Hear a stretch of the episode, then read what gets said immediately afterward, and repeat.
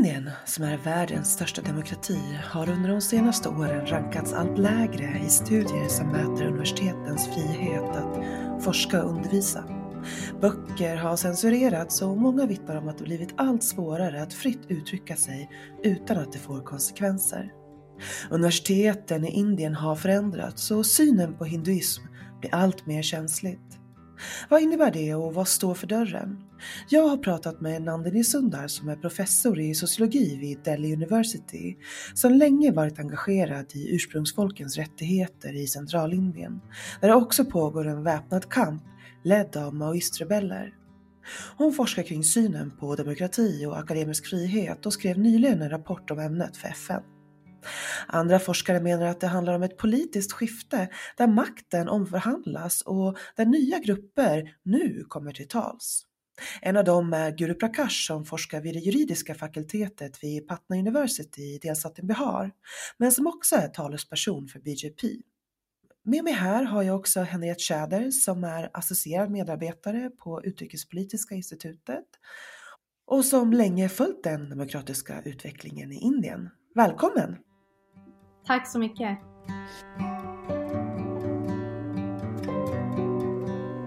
Hur ser du på den här kritiken som har kommit fram gentemot indiska universitet under de senaste åren som pekar på att just den akademiska friheten är under hot och, och vissa till och med hävdar att den akademiska forskningen är under attack?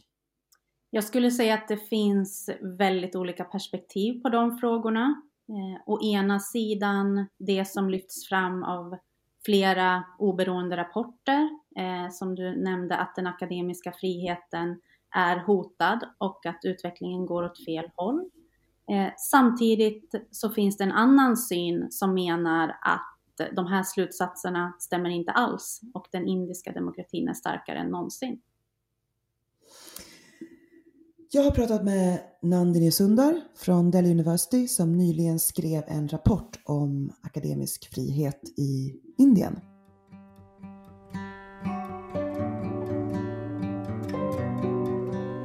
Welcome to Indian Podden, Nandini Sundar. Thank you. I'm happy to be here.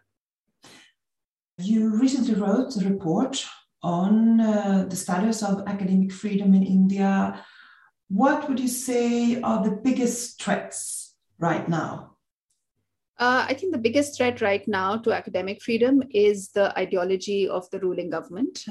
It wants to promote a Hindu supremacist nation. So everything in history, in the social sciences, in philosophy is tailored to showing the glories of ancient India and keeping out views which might complicate this understanding of history.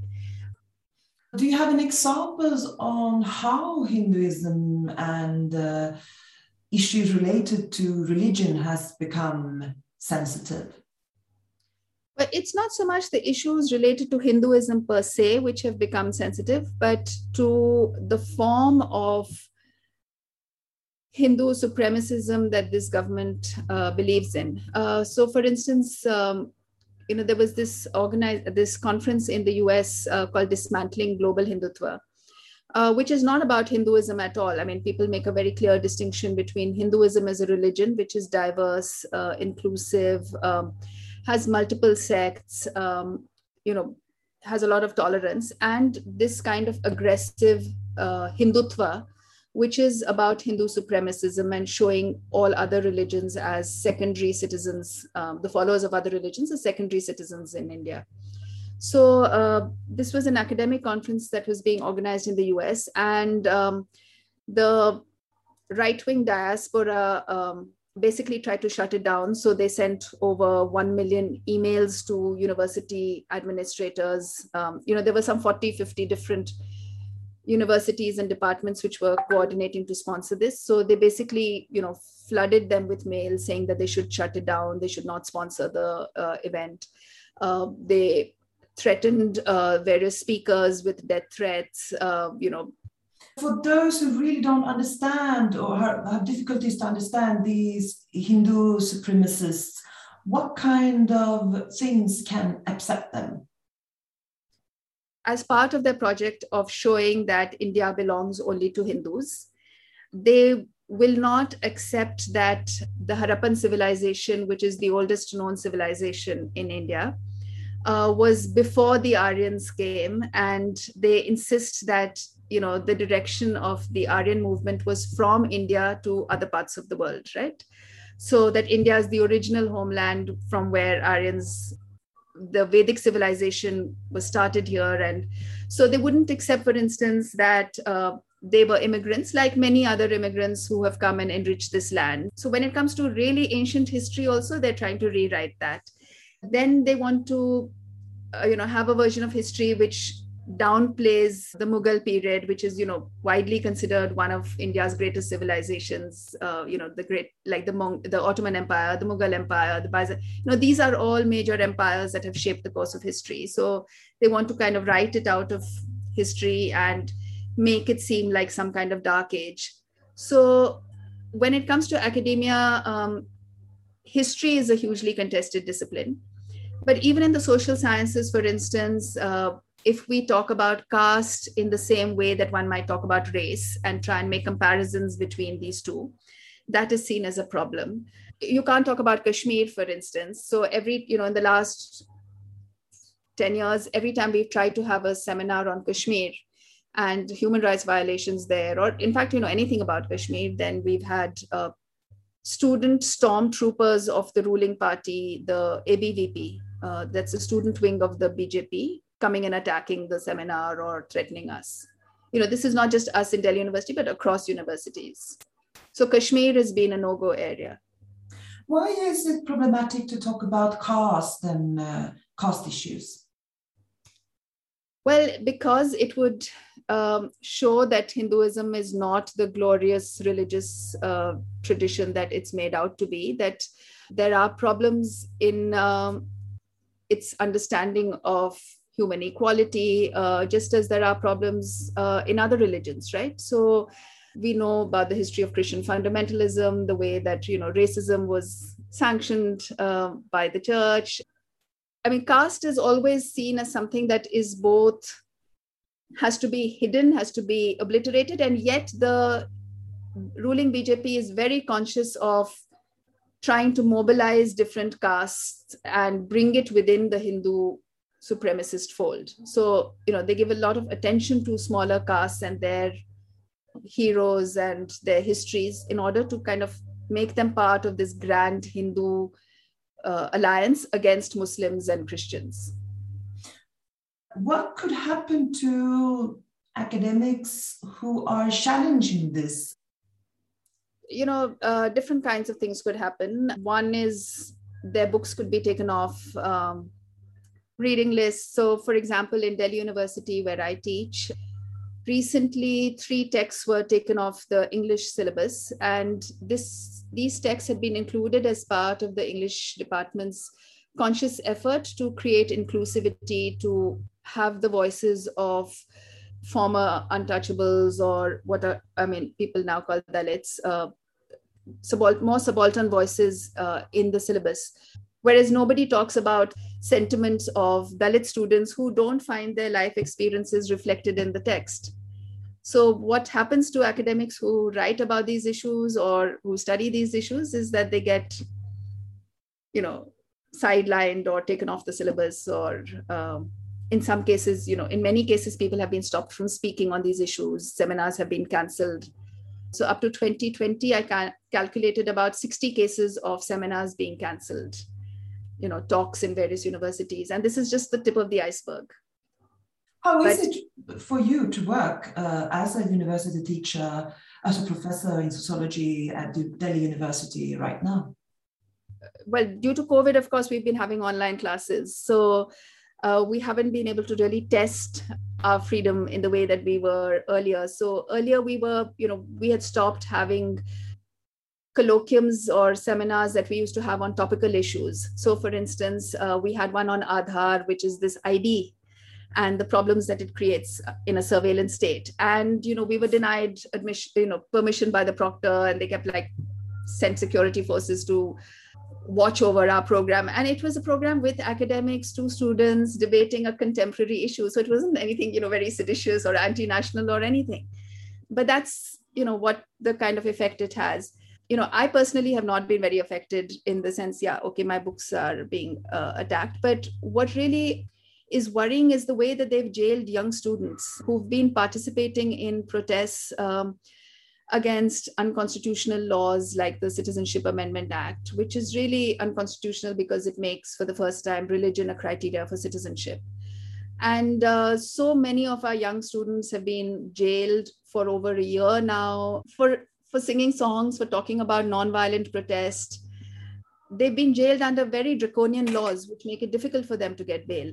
So even though everyone knows there's nothing in it, they've just, you know, put them away so students in Jamia, JNU, Aligarh Muslim universities, especially those universities with Muslim students, uh, have really been attacked. India is also getting a lower ranking in the Academic Freedom Index. What's your take on this?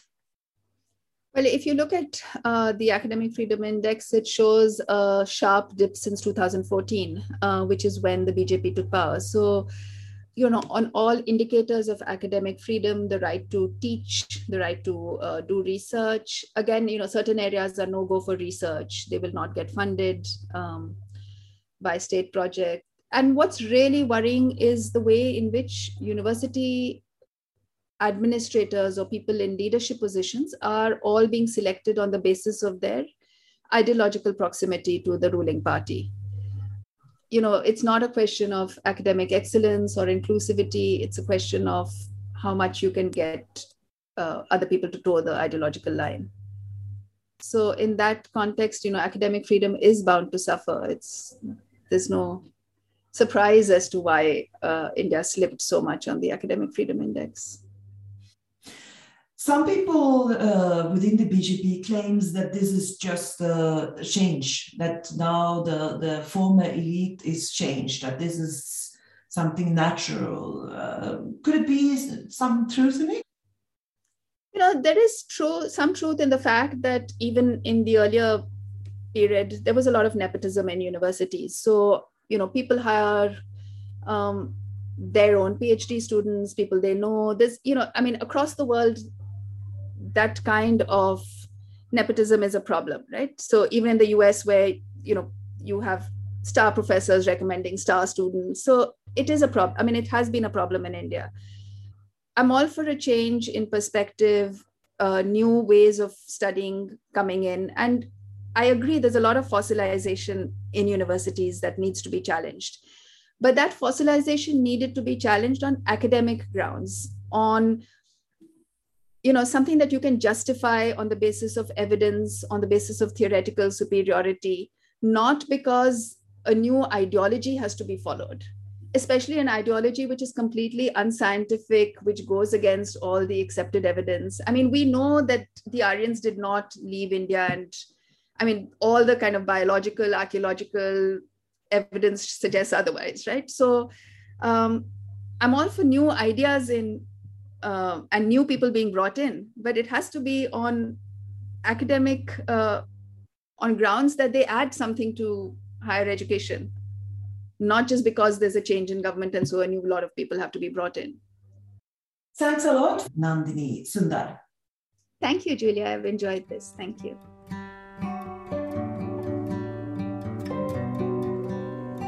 Henriette Tjäder, eh, hur ser du på Nandinis upplevelser? Jo, men det Nandini Sundar beskriver, det är ju någonting som också har lyfts fram eh, på annat håll från till exempel internationella civilsamhällesorganisationer. Och det är någonting som är viktigt att eh, ta på allvar. Eh, att hon menar att eh, en hindu-nationalistisk ideologi riskerar att Eh, hota den fria forskningen i Indien eh, genom att eh, vissa ämnen anses känsliga eller svåra att diskutera och för de forskare som ändå väljer att skriva om det här eller debattera sådana här frågor, att de utsätts för hot eller att det får andra konsekvenser. Och det jag också tänker på när jag hör Nandini Sundar, det är det här med att eh, akademisk frihet, är ju någonting som är väldigt brett och som omfattar många eh, rättigheter som måste finnas där för att eh, det ska fungera, för att man ska ha ehm, fria universitet och man ska kunna debattera, man ska kunna mötas, det behövs yttrandefrihet. Så ehm, det är någonting som spelar väldigt stor roll och som är viktigt eh, för demokratin. Och som du säger så är ju den här synen eh, väldigt delad på vad det är som sker i Indien och vem det är som eh, lider. Och många menar ju att eh, demokratin i själva verket mår bättre än någonsin tidigare. Och att fler kommer till tals och att det är något positivt som händer. Och en av dem är Guru Prakash som forskar vid juridiska fakultetet eh, vid Patna University i Bihar i centrala Indien. Och han är ju också talesperson för BJP, Bharatiya Janata Party. Och så här säger han.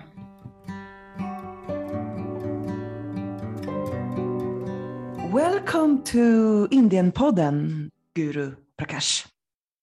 Thank you so much. Such a pleasure to be here with you. A lot of changes has happened in the country since your party came into power. Also, academia has changed. How has academia changed since 2014? That's a very interesting question, uh, Julia. And I would say not only academia, but there is a paradigm shift in thinking when we talk of uh, policy imagination, when we talk of public conversation. Post 2014, we have seen that increasingly there are conversations on transparent and accountability in governance. There are conversations on representation and diversity in governance. So, by and large, broadly, yes, there has been a paradigm shift. There has been a transformation in public discourse and academically as well. So, you are right. Academics has been a hotly contested space by the politicians, but it has been since the independence that uh, because there was one political party in power in the last seven decades predominantly. So that political party, because of coming from a certain ideological hue, they promoted that left, center, leaning. But uh, India has a very different landscape. India has a very different uh, social realities, economic realities. So left, right, center, these ideological classification do not persist with the Indian narrative. Uh, but yes, like I was saying, post independence, there was a certain government in power, which was in power for a very long time. And it had a certain ideological inclination, like every political party has. So we saw in the last seven decades, uh, the Indian academics was primarily catering to one set of ideas, one set of ideology, and there was very little space for dissent. And uh, repeatedly there were assertions that indian culture and indian civilization is not good. Whatever we have imported from west is good. This in academic sense is called the colonization. So our minds were colonized our literature was colonized our academic was highly colonized.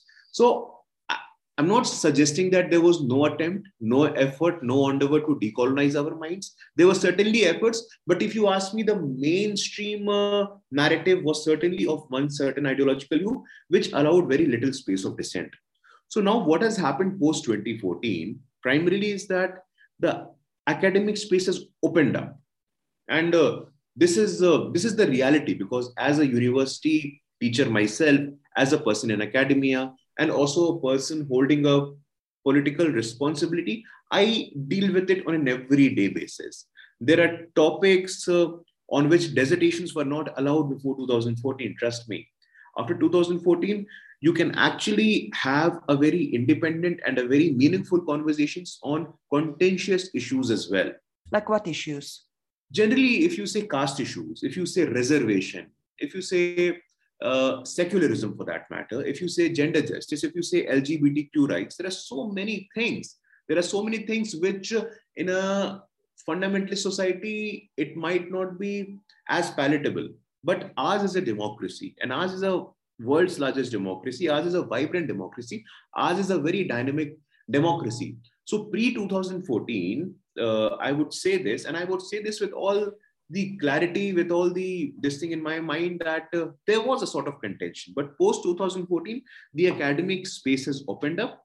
So post 2014, yes, these conversations have started, and uh, there is uh, an open space for dialogue, debate, dissent, and discussion. I would say. But there are also many uh, academics who claim that uh, freedom of speech is threatened now when BJP has come into power. You know, they, they are uh, not allowed to have similar conversations. Why are they saying like this? We are a vibrant democracy. We are a dynamic democracy. The way I see it is that uh, the people who have uh, sort of uh, raising this suspicion a large section of them they were beneficiary of the previous dispensation and I say this with a lot of caution because you look at the academic bodies for that matter Indian Council of Philosophical Research, Indian Council for Cultural Relations, Indian Council of Historical Research. So these are some semi academic bodies which usually funds your fellowship, which usually funds your seminars and conferences. So obviously, uh, pre 2014, there were certain academics linked to a particular ideology and they were beneficiaries of it. So when the academic space became more decentralized, when the academic space became more democratized, the space became more, more diverse in the sense people were coming from small towns, people were coming from backward communities, there were women, there were many folks from rural areas. When they started speak, speaking up, so there was a sort of disruption. And this disruption was not taken fairly well by the well established elites who thought that they were the repository of Indian wisdom, who thought that they were the sole representative of Indian academics. So it's very important. The space, and it, it's true, it stands true for any democracy. It stands true whenever a transition happens that uh, there are people who get irked, there are organizations who get irritated. But the fact of the matter is, the truth is that 2019 general elections, 4 crore more people voted for Prime Minister Modi voted for Bharatiya Janata Party. So in a way, they are satisfied. But there are also students who are protesting against this, and they are even getting jailed. Students from uh, Jamia Millia Islamia University, students from Jawaharlal Nehru University, who are arranging protests, uh, who are uh, questioning, but they their voices are uh, silenced in my democracy, we have a government, we have a judiciary, we have an executive, which keeps everything in checks and balances. And trust me that no government can take any action without evidence or without any rationale. So I'm sure if actions have happened, it has happened because of uh, some unlawful activities they were into. Because I also read you mentioned about Jamia, so there were incidents of stone pelting, there were incidents of uh, vandalism which happened in the campus of Jamia. So it's not appropriate. Like as, as a student, you can obviously express your ideas. You can obviously articulate the difference of opinion that you have. But at the same time, like every constitution, like every freedom of speech and expression, there are certain restrictions which you must follow. My right should not violate your right, Julia.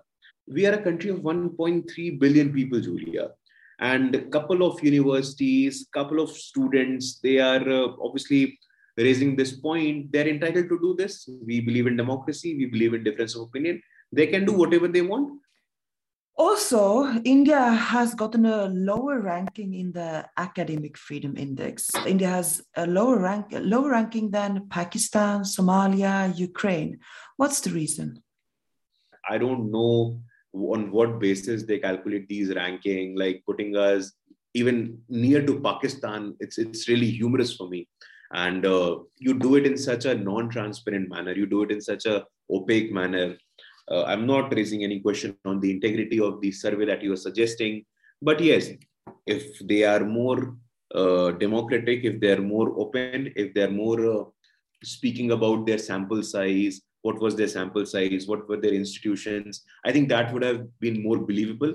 They they are entitled they can have their own opinion but uh, it's a very non-transparent way it's a very opaque way of measuring the academic freedom index and i don't necessarily agree with that. Any agency sitting somewhere in europe any agency sitting somewhere in the United States cannot uh, dictate terms, cannot uh, put a judgment on academic freedom index in India. But is it possible to have an academic career if you are very critical towards the government and towards, let's say, Hinduism? And can you do a be be uh, successful in your academic life in India? 110% Julia. I mean, the, there is no connection in your academic trajectory and in uh, your political opinion. As, as an individual, you are free, you are entitled to have your own political opinion. There are people who claim that Indian academia is under attack. What do you have to say to those people? Julia, you sit in Norway, you sit in New York, and then you make such a comment. I, I, I find it really laughable. It, let me put this on record that I'm not saying this because I have a political position. I'm saying this as an academic. We are having this conversation regardless of my political position. And uh, I'm very clear about that. That today there is more academic freedom than there ever was. I cannot speak on behalf of those individuals or those institutions that you're suggesting. Obviously, they get more traction because they belong to a particular uh, pedigree, which is sort of feudal and elitist. Uh, since their upbringing, they think that they're entitled to rule the discourse forever because of spaces where they were born. But this new India, which our prime minister talks about, this new India is about uh, the aspirations of the emerging classes. Thanks a lot for being a guest in the India podcast, uh, Indian Podden, Guru Prakash.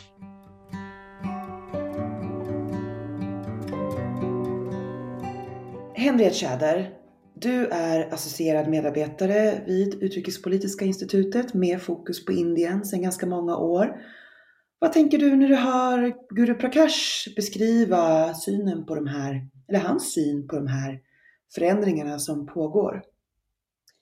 Eh, ja, men det som han lyfter fram det är ju ett helt annat eh, perspektiv mot det vi hörde tidigare och eh, den här bilden delas också av flera indier att precis som att det finns de som menar att demokratin skulle vara på tillbakagång och att den akademiska friheten är hotad, så menar andra att tidigare då ska ha varit bara en viss politisk elit som liksom satte agendan för vad man fick säga, vad man fick prata om och att den ska ha haft en viss ideologi.